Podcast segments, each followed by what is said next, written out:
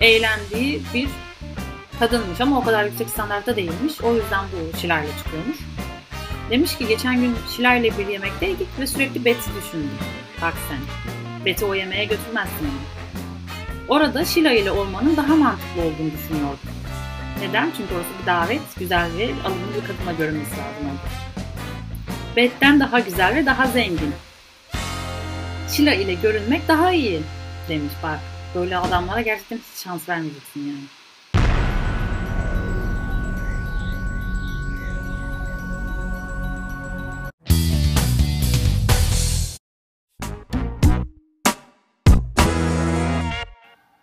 Merhaba arkadaşlar. Bu videoya bir haberle geldim. Bu kitapları bana öneren, bundan önceki bağlanma videolarımda da kullandığım e, şu kitabı da bana öneren psikoloğumla e, son seansımızı yaptık.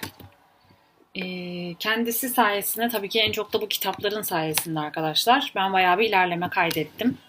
Umarım videolarında size faydası oluyordur. Bu da gerçekten çok önemli bir kitaptı. Başlangıç kitabım buydu. Çok şey katıyor insana gerçekten. Şimdi ikinci kitabın adını e, sormuşsunuz. İlk videolarımda bahsediyorum ama yine söyleyeyim. Hayatı yeniden keşfet. Arkadaşlar kitabın adı. Yazarlar da Jeffrey A. Young, Janet S. Klosko. E, şöyle bir kapağı var. Zaten Hayatı yeniden keşfet yazınca çıkıyor direkt arkadaşlar.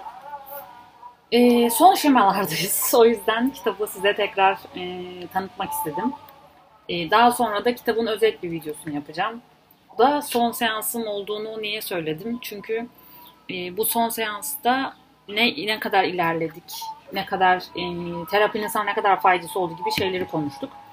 E, ve ben bayağı bir konuda ilerleme kaydettiğimi fark ettim. Bunların da e, belki yarıdan çoğu bu kitapların da etkisi arkadaşlar. Bağlanma kitabı sayesinde bağlanma biçimimi buldum. Bu kitap sayesinde de bazı davranışlarımın altında yatan şemaları buldum, sebepleri buldum. O yüzden bunları da size aktarıyorum ki siz de kendinizi bulun diye. Şimdi e, geldik yüksek standartlar şemasına.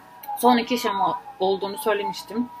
Bu şemada e, yüksek oranda arkadaşlar bana şeyini hatırlattı. E, Başak burçlarını, mükemmeliyetçi insanları bazı mükemmeliyetçi insanların çocukluktan geliyor e, bu şey. Hani çocukken niye 95 aldın, niye 100 almadın diyen veya da işte bak bunu da beceremedin, bu işi de yapamadın bilmem ne diyen bir anne babayla büyütüldüyseniz her işte bir numara olmak gibi bir hedefiniz oluyor. Ee, böyle bir hedefiniz olması da sizin yüksek standartlar şemanızın gelişmesine sebep oluyor arkadaşlar. Şimdi burada bunu anlatacağız. Bununla tanışacaksınız. Başlıyorum. Pamela diye bir kadın var 40 yaşında. Hem özel hem iş hayatında mükemmel olma gerekliliği stresiyle yaşıyor. Yani hiçbir korkunuz olmasa bile mükemmel olma gerekliliği sebebiyle e, panik ataklığınız, kaygı bozukluğunuz olabiliyor arkadaşlar. O yüzden kaygı bozukluğunuzun altında yatan bir sebep olarak da bu olabilir. Pamela bir süper kadın olarak geçiyormuş. Her şeyi yapıyormuş. Bir doktormuş. Anestezi bölümü yöneticisiymiş arkadaşlar. Aynı zamanda e, orada bir araştırma programının başı olarak çalışıyormuş. Resmi birçok kurumdan ödül almış bu konuyla ilgili. E, ve profesyonel toplantılarda sunum yapmak için dünyayı dolaşmış bir kadın. En bilinen dergilerde makaleleri olan bir kadın. Aynı zamanda mükemmel bir eş ve anneymiş arkadaşlar. Eşi büyük bir şirkette yöneticiymiş. Neredeyse her hafta Pamela ile işbirliği ile bir sosyal aktivite organize ediyormuş. Bunun yanında e, çocukları varmış. Her gün mutlaka onlarla vakit geçirmek için zaman ayırıyormuş. Onlara da mükemmel bir anne olmak için uğraşıyormuş çünkü. Ayrıca her gün spor yapıyor. Mükemmel bir tenisçiymiş. E, evi kusursuz. Çevredeki yeşillikler mükemmel biçimlendirilmiş. Pamela bize bahçenin bütün bakımını kendisi yapamadığı için üzgün olduğunu iletiyormuş. Yani bir, ben ahtapot diyorum ben bu insanlara. Ahtapot olup her kol, birçok kolda hepsinde çok iyi olmak. Her yere aynı mesafede uzanmak isteyen insan tipi. Ee, şimdi bu şema sizde var mı yok mu bunu öğreneceğiz arkadaşlar. İsterseniz bir Pamela ile terapist konuşmasına bir yer vereyim. Ee, terapist diyor ki yani hayatta her şeyi yapmaya çalışan bir insansınız. Pamela da evet gerçekten de hepsini hakkıyla yapabildiğimi düşünüyorum. Tek sorun o kadar çok farklı şey yapıyorum ki darmadağın oldum haliyle. Devamlı koşturuyorum. Terapist bu sizin için çok fazlaymış gibi görünüyor demiş. Ve kadın 40'lı yaşlarındaymış arkadaşlar. Hala yataktan kalkıyorum. Hiçbir şey değişmedi. Hayatta ben başka şeyler bekliyorum. Kendim için biraz zaman istiyorum demiş. Evet işte e, sürekli başka şeylerde mükemmel olmaya çalışırken aslında kendimize vakit ayıramıyoruz. Kendimize dönüp bakamıyoruz. Bu çıkıyor ortaya. Aynı şekilde bir de Kate var. Böyle iki vaka verdikleri zaman biliyorsunuz o şemanın iki türü olmuş oluyor. E, demek ki burada da iki tür var. O yüzden Kate'e de okuyayım. E, Kate de yaptıklarında başarılıymış. Başarılı bir New York kanalında televizyon habercisiymiş. İyi görünümlü ve tavırlarında hafif bir üstünlük havası varmış. Bir çırpıda bütün başarılarını anlatıvermiş. Ünlü bir insanmış, ünlüleri tanıyormuş. Kanalda sözü geçen e, biriymiş. Güzel modeller ve oyuncularla flört ediyormuş. Ancak bunların içinde Kate hala tatminsizmiş. Sebebi de arkadaşlar buraya gelmemin tek nedeni doktorlarımın bağırsak rahatsızlıklarım ve baş ağrılarımın stresten olduğunu söylemeleri. Gevşemeyi öğrenmeliymişim. Bu da erkek versiyon arkadaşlar. Bu da hayatta e, çok iyi yerde, iyi konumda, iyi insan, kadınlarla çıkan bir e, tip olmasına rağmen tatmini bulamayan, bir türlü tatmin olamayan bir e, tipmiş arkadaşlar. Bundan dolayı da aslında bunları hep göz ardı eden insanlarda da fiziksel rahatsızlık ortaya çıkıyor. Ben gayet mutluyum, ünlüyüm işte e, bir sürü insanla çıkıyorum vesaire. Mutlu görünüp yani böyle e, mutlu görünmek değil de nasıl diyeyim aslında yetemediğin, e, gerçek istediğin şeyi göz ardı ettiğin zaman fiziksel rahatsızlıklar baş gösteriyor. Bunda da bağırsak rahatsızlığı ve baş ağrısı oluşmuş.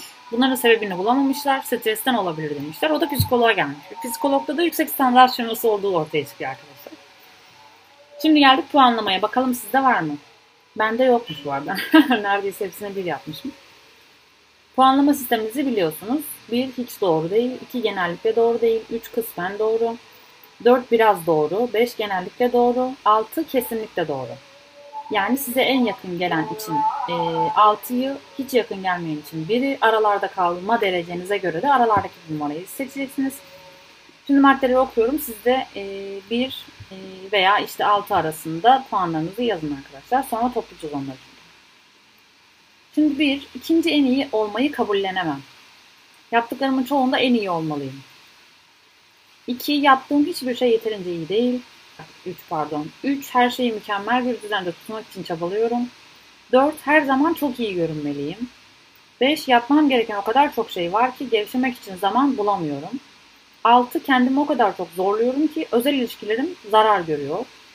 Yedi, kendimi o kadar baskı altına alıyorum ki sağlığım zarar görüyor. 8. Bir hata yaptığımda acımasızca eleştirilmeyi hak ediyorum.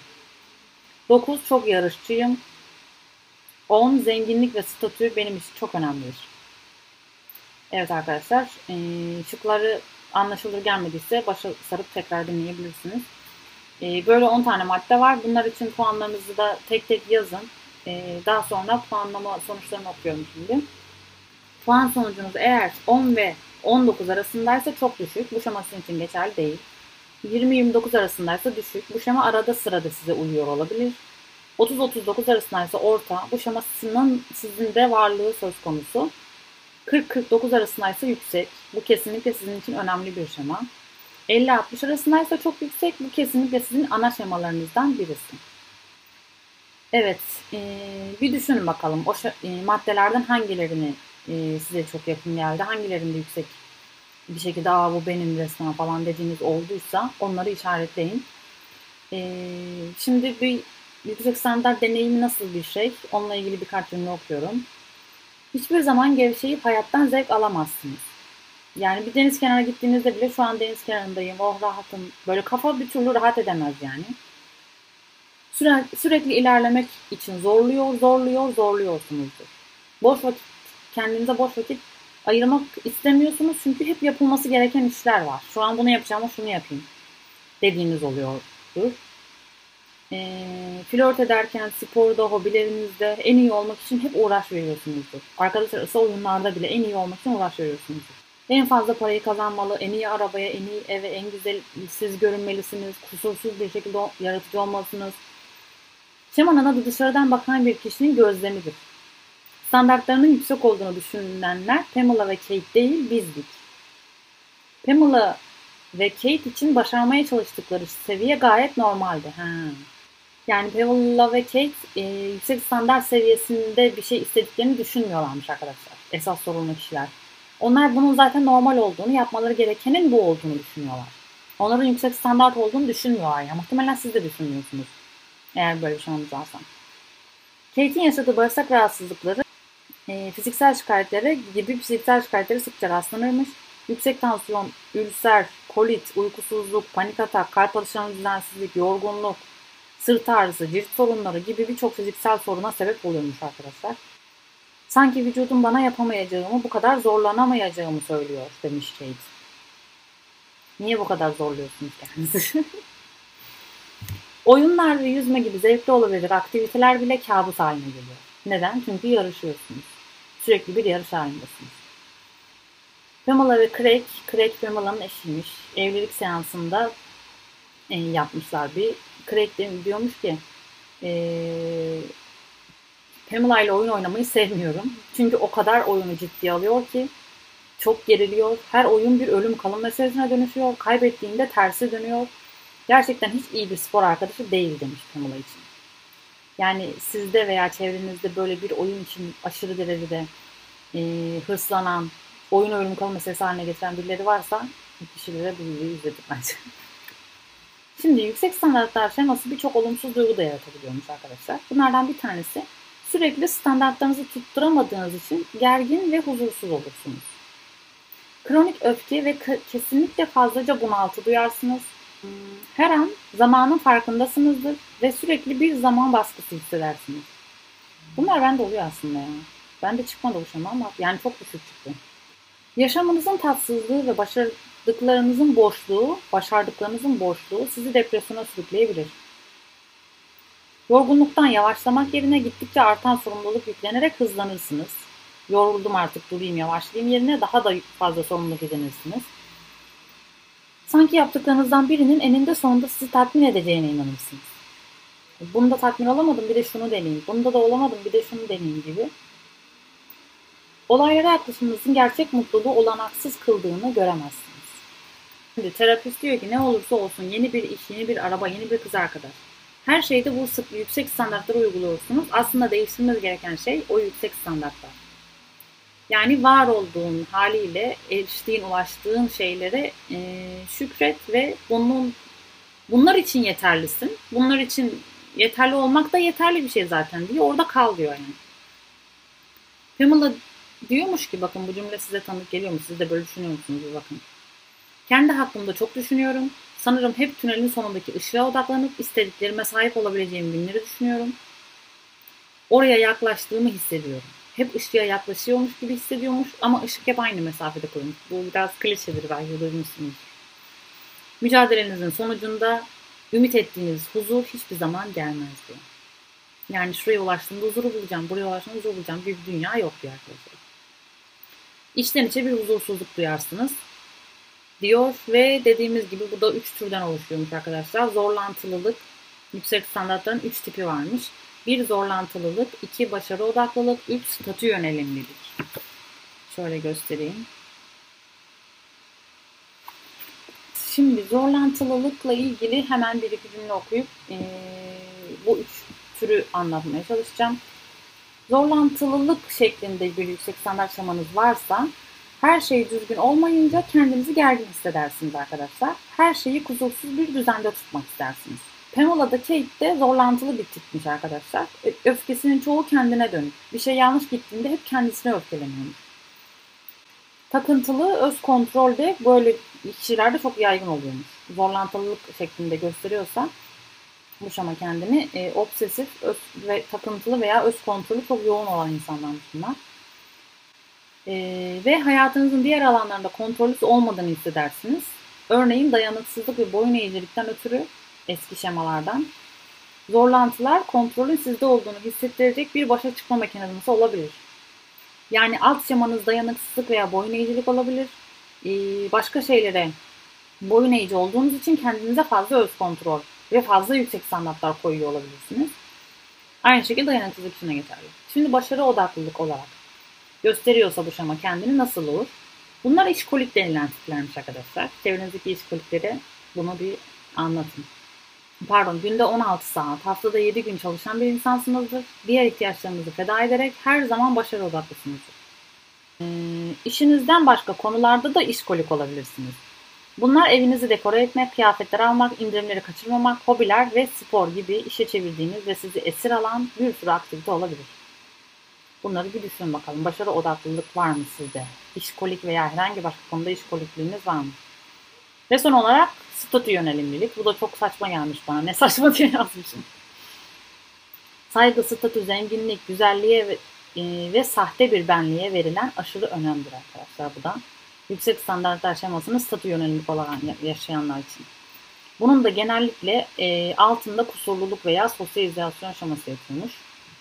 E, bu sorunları, o şemalarda yaşadıkları sorunları telafi etmek için e, yüksek standartlar şemasını statü yönelimlilik şeklinde kullanıyorlarmış. Yani içten içe kusurlu hisseden bir insan e, kendini zengin, çok güzel, çok iyi konumlara getirerek e, onu sahte bir benlik oluşturarak kendi içindeki kusurlu olduğu insanı olduğu demin de kusurlu olduğunu düşündüğü insanı kapatmaya çalışıyormuş. Terapist demiş ki bu çok komik. O kadar ayrıcalıklı bir partiye davet edilmeyi başarıp, bakın çok önemli bir partiye davet edilmiş. Dediğinize göre oradaki en güzel kadınla birlikte olmanıza rağmen yine de mutsuz görünüyorsunuz. Kate söylüyor bunu. Diyor ki bize oturdukları yere sinirlendim. O kadar açıktı ki onlardan biri olarak kabul edilmediğimiz. Bak sen ya bizi kötü yere oturttular diye ee, şey olmuş. İşte içe kusurluluktan kaynaklanıyor.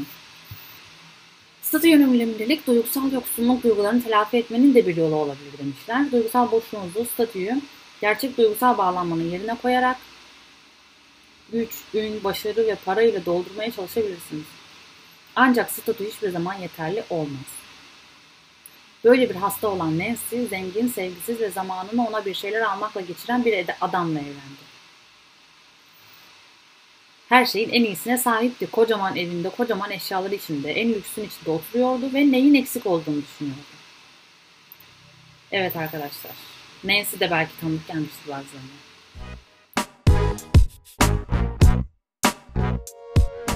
Şimdi bu şamanın kökenleri neler olabilir? Bunlara bakacağız. Ee, bunlar e, kökenleri veya şeyleri çözümü burada çok uzun değil arkadaşlar. O yüzden e, fazla fazla maddeler yok burada.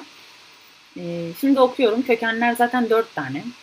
Bir, ebeveyninizin sevgisi yüksek standartlarını yerine getirmenize bağlı ve koşulluydu. Böyle bir şey var mıydı? Yaşadınız mı böyle şey? Bu ne demek? Koşullu sevgi ortamında büyümek. Yani ebeveyniniz sizi sadece başarılı olduğunuzda, mükemmel olduğunuzda sevip başarısız olduğunuzda size e, soğuk mu davranıyordu? Sizi bir yere mi kilitliyordu? Ceza mı veriyordu? Aa bu dersi yapamadın. Sana akşam yemeği yok gibi şeyler mesela. Örnek veriyorum sadece. İki, bir ya da her iki ebeveyniniz de yüksek dengesiz standart modelleriydi. Bunda da e, ebeveyniniz muhtemelen e, akademisyen, doktor, yüksek yerlerde olan birileri olup 3. Yüksek standartlarınız kusurluluk, sosyalizasyon veya duygusal yoksunluk, başarısızlık duygularınızı telafi etmek için olabilir. Yani içten içe kusurlu hissediyor olabilirsiniz. Kendinizi insan içine sokmadığınız için, sosyal bir izasyon içinde aldığınız için başka konularda en iyi olmaya çalışmış olabilirsiniz. Sosyalizasyon şeması e, şeyini hatırlarsanız orada bir kız vardı. E, hiç sosyal ortamlara karışmıyordu. O yüzden başka konuda iyi olması gerektiğini düşünüyordu ve sınıfın birincisiydi. Yani sosyal ortamlara girmediği için ilgi çekmek için birinci olması gerektiğini düşünerek derslerine çok eğilmişti mesela. E, 4. Yüksek beklentileri karşılayamadığınız zaman birisi ya da ebeveyniniz sizi ayıplayıp eleştirdiler. Böyle bir şey oldu mu çocukken? Evet arkadaşlar bu kökenlerden size ait olanı bulun. Ve şimdi çözüme geçiyoruz hemen. Çözüme geçmeden önce size yüksek standartların yaşam tuzakları diye bir şey var. Onu okuyacağım arkadaşlar.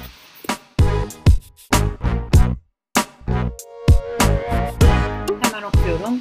Ee, yani yaşamın içinde yüksek standartlar şemasına düştüğünüz tuzaklar neler? Bunları göreceğiz. Bunlar da 11 tane madde. Bunları da iyice dinleyin. Hangi maddeler size yakın geliyor ona bir bakın. Ee, ben buradan 3 tane işaretlemişim mesela. Şema bende çıkmamasına rağmen. Bir, sadece hayattaki kaçınılmaz olaylardan değil, aşırı iş gibi günlük streslerden ötürü sağlığınız bozulur.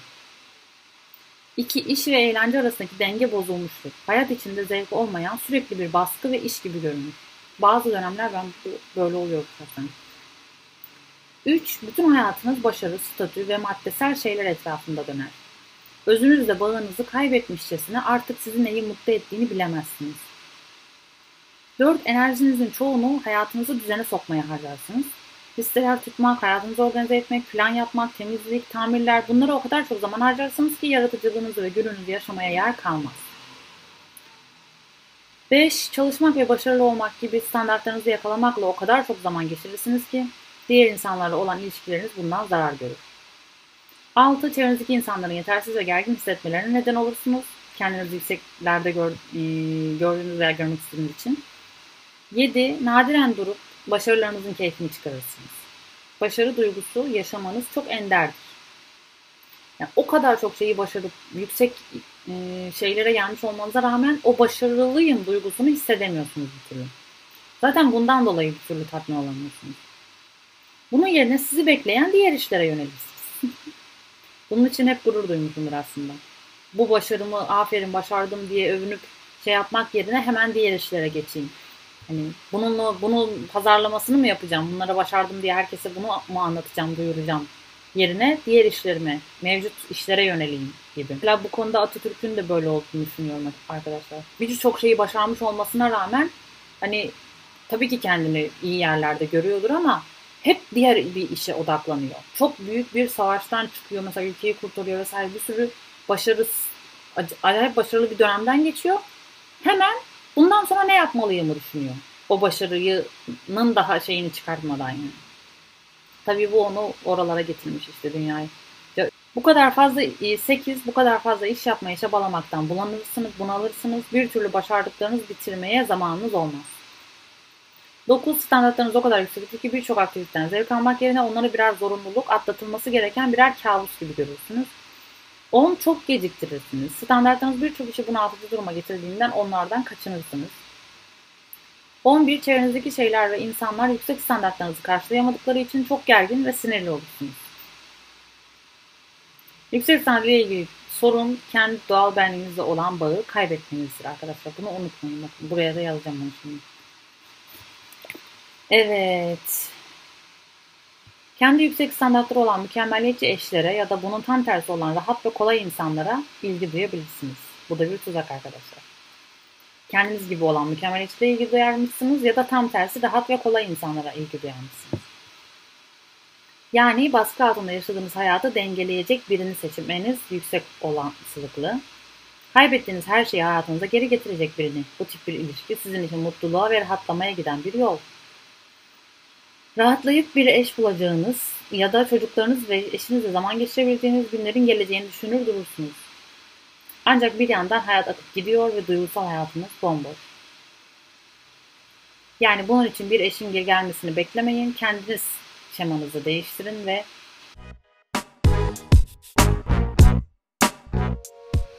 Evet, yüksek lisansları değiştirmek. 9 tane madde var. Hızlıca okuyorum. Biraz da bazıdan içlerine gireceğim. Şimdi bir, standartlarınızın dengesiz ve yüksek olduğu alanları sıralayın diyor. Yani e, hangi tipsiniz? Zorlantılı mı? E, başarı odaklı mı? Statüye yönelen bir tip misiniz? Ve bunların e, hangilerinde dengesiz ve yükseksiniz? Hangilerinde dengesizlik şeklinde görünüyor ve hangilerinde yüksek bir şekilde, yoğun bir şekilde o konuda e, çabanız var. Mesela statü yönelimliğine çok mu önem veriyorsunuz? Size uygun bir statü olmasını. Hayatınızda sürekli baskı hissettiğiniz alan ne? Onu bulun. Oradan zaten öbürü çıkacak arkadaşlar. İki, bu standartları düzenli olarak tutturmaya çalışmanın avantajlarını listeleyin.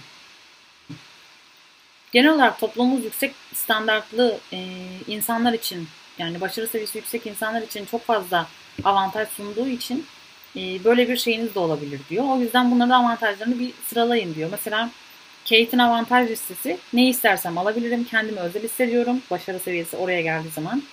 İnsanlar beni kıskanıyor. Sahip olduklarımı istiyorlar. Burada çok tanıdık birini görüyorum şu an.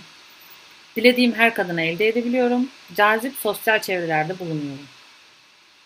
Kate birçok sahip gibi dursa da elindekiler onu mutlu etmiyor. Hiçbir şeyden zevk almıyor. sürekli memnuniyetsiz, sürekli bir sonraki alışverişi, bir sonraki kadını, sonraki sosyal basamağı düşünüyor. Yani tamam bunları avantaj olarak görüyorsun ama onların tadını çıkarmıyorsun. Pamela'nın avantajlar listesi çok para kazanıyorum. Neredeyse alanımda en üst noktadayım. Ödüller kazandım bak. Zaten başarıların var yani. Daha neyin peşindesin? Ödüller kazandım. Evim neredeyse her zaman mükemmel görünüyor. Ne oldu? Evim mükemmel görünüyor da ne oldu? Ödül mü verecekler sana evim mükemmel görünüyor? Evimde işler düzenli bir şekilde yürüyor. Bir anestezist olarak performansım yüksek. Evet bir kez daha güçlü bir avantajlar karşımıza çıktı. Fakat Pamela hala mutlu değil. Evet arkadaşlar işte bu mükemmel görünmek, en üst noktada olmak, saygın, e, sevilen bir insan olmak vesaire bunların peşinde koşarken kendi özünüzü kaçırıyorsunuz. Bu yüzden mutluluğu da kaçırıyorsunuz. O yüzden biraz rahatlayıp var olan şeylerle mutlu olmayı ve hayatın keyfini çıkarmayı bilmeniz gerekiyor. Ee, üst düzeyde bir iş hayatı hayatınızda zevk ve sevgi için zaman bırakmıyorsa ne işe yarar? Bunun fotoğrafını çekip paylaştım hatırlıyorum. Yarattığınız rahatlıklar onların keyfini çıkarmadığınız sürece ne anlamlıdır? Ne anlamı var? Çok doğru söylüyor yani gerçekten. Yani birçok para kazanıyorsun, o kadar e, saygın çerçeve şeyin var, saygın bir çerçeve konmuşsun, saygın bir çevre konmuşsun vesaire. Ama bunların keyfini çıkarmadıktan sonra ne anlamı var yani gerçekten? 3. Bu alanlarda kendinizi bu kadar zorlamanın dezavantajlarını listeleyin. Bak bir avantajlı istedik, şimdi dezavantajlı istiyoruz. Ee, Pamela demiş ki, fiziksel olarak tükendim. Tanıdık gelir belki size, bunları o yüzden okuyorum. 2. Hiçbir eğlenmiyorum. 3. Evliliğim sürünüyor. 4. Çocuklarımı çok baskı altında tutuyorum. Onlarla bir arada olmaktan keyif almıyorum. Benden korkuyor gibiler. Muhtemelen korkuyorlardı zaten. 5. Birçok yakın arkadaşımın benden uzaklaşmalarına neden oldum. 6. Kendime hiç zamanım yok. Daha ne olsun yani. E, Kate'in dezavantaj listesi de sağlığım çok kötü, iki mutlu değilim demiş. Daha vardır da Kate söylemiyordur bence. Neyse gördüğünüz gibi dezavantajları da ağır yani arkadaşlar. Şimdi 4. Bu baskılar olmadan hayatınız nasıl olurdu? Bir düşünün. Şemanızı değiştirmenin dördüncü aşaması. Bunu hayalinizde canlandırmaya çalışın. Bu baskıların hiçbirinin olmadığı bir anı düşünün. Şöyle bir hamakta sallanırken hiçbir iş sorumluluğunuz, ev sorumluluğunuz olmadığını düşünün. Bunu bir hayal edin diyor. Ve bir kısmından bile kurtulmanın hayatınızda neleri değiştireceğini hayal edin.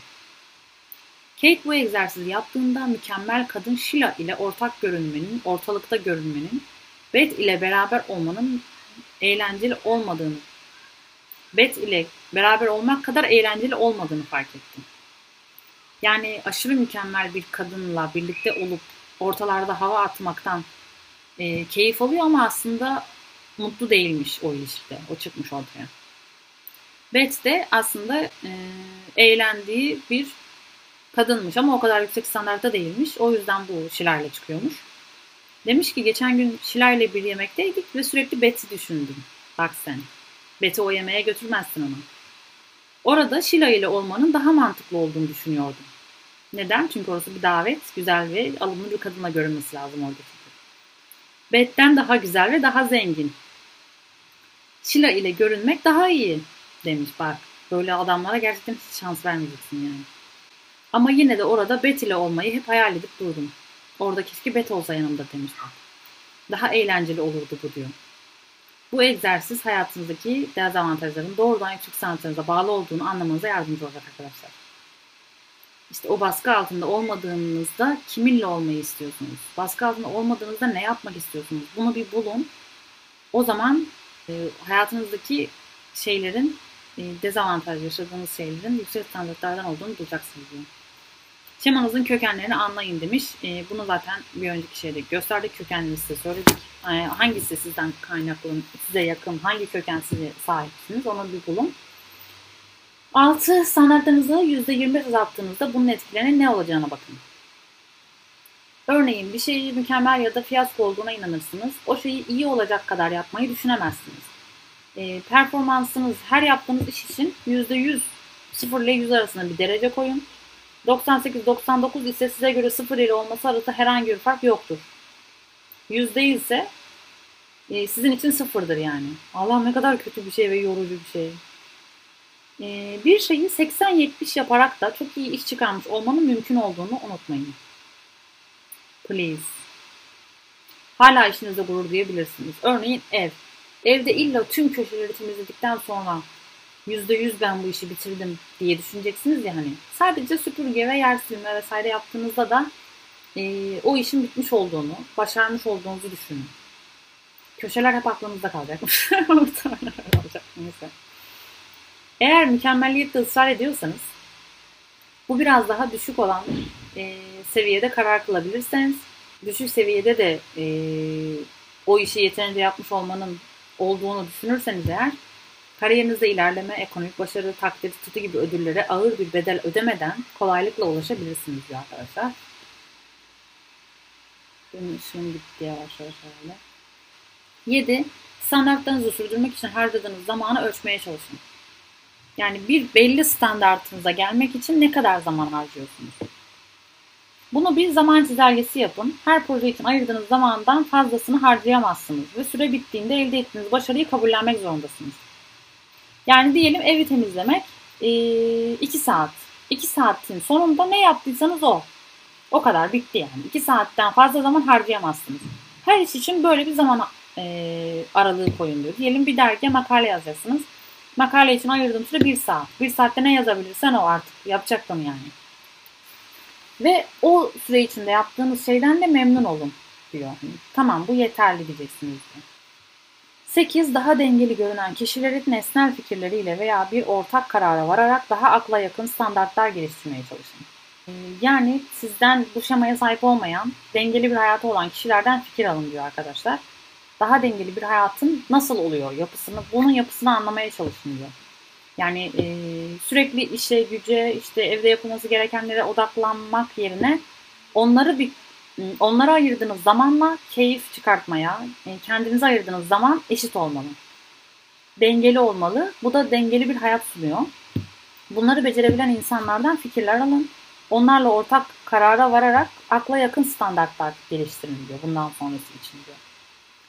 9 daha derindeki gereksinimlerinizi karşılayabilmek için günlük programınızı ve davranış biçiminizi aşamalı olarak değiştirmeye çalışın. Yani daha derinde ne gereksinim duyuyorsunuz? Aslında sizin mutlu eden şeyler ne? İhtiyacınız ne? Bunu bir bulun. Mesela yalnız kalmak istiyor olabilirsiniz. Kitap okuyor istiyor olabilirsiniz. eğlenmek istiyor olabilirsiniz. Dışarı çıkıp bir şeyler içmek istiyor olabilirsiniz. Bu derindeki ihtiyacınızı anlayın ve günlük programınızı, davranış biçimlerinizi buna göre şekillendirin diyor. Mesela Pamela demiş ki kariyerimde biraz rahatladıktan hemen sonra hayatımın daha iyi olduğunu gördüm. Daha mutlu bir insan oldum. Herkes daha mutlu. Bu şekilde sürdürmemi ve biraz boş vermemi sağlayan da bu. İşte bu. Yani yani kariyerinde bazı şeylerin daha üstüne çıkmaya bırak çıkmaya çalışmayı bıraktığında bile e, ne kadar mutlu olduğunu, ne kadar çevresinin de mutlu olduğunu görmüş. Ve bunu görmek de e, artık kariyeriyle o kadar ilgilenmesini, ilgilenmeye çalışmasını boş vermesini sağlamış. Yani ödülü bunlar olacaksa biraz kariyeri geride bırakabilirim demiş. Şimdi bu Kate vardı ya Kate de e, Betty ile zaman geçirmeye başlamış ve Betty aşık olmuş. Kendini de kendi de şaşırmış Betty aşık olduğuna. Bet ile zaman geçirmek bir ağırlığın kalkması gibi. Kendimi sadece yemek yapıp sinemaya giderek onunla sakin bir gece geçirmek isterken buluyorum. O sosyal manzara artık hiç de o kadar umurumda değil. Görüyor musunuz? Sahte bir hayat ne kadar yorucu ve gerçek bir hayat ufacık bir anı bile ne kadar hafifletici. Gerçek bir e, hayatın ufacık bir günü bile ne kadar hafifletici. Yani bütün sahte bir benlikle veya o sahte benliği oluşturmakla mı geçirmek istiyorsunuz? Yoksa gerçek sizle yaşamak mı istiyorsunuz? Ve gerçek e, istediğiniz kişilerle. Evet, buna karar verip bu değişimini uygulayabilirsiniz arkadaşlar. E, bundan sonraki ve son şemamız haklılık şeması olacak. Bu haklılık şeması da e, herkesin kabul etmeyeceği, muhtemelen bu şema bende yok diyeceğiniz e, bir şeymiş. Çünkü haklılık şeması olan insanlar kendisinde bir problem olduğunu kesinlikle görmezler, kabul etmezlermiş. Hatta kitapta diyor ki haklılık şeması olan insansanız diyor muhtemelen bu kitabı oku, okumuyorsunuz diyor. Muhtemelen siz bir haklılık şeması olan kişinin mağdur bıraktığı kişisinizdir diyor. Çünkü o şeması olanlar kendilerinde kesinlikle bir sorun olduğunu kabul etmiyorlarmış arkadaşlar. Yani o da ilginç bir şema. Bir sonraki videoda onu anlatacağız. Bu videomu izlediğiniz için teşekkür ederim. Umarım verimli olmuştur. Ee, biraz hızlı anlattım gibi geldi bana ama anlatılacakların hepsini anlattım. Ee, kendinize iyi bakın. Beni izlediğiniz için teşekkür ederim. Abone olursanız veya beğenirseniz mutlu olurum. Teşekkürler. Hoşçakalın.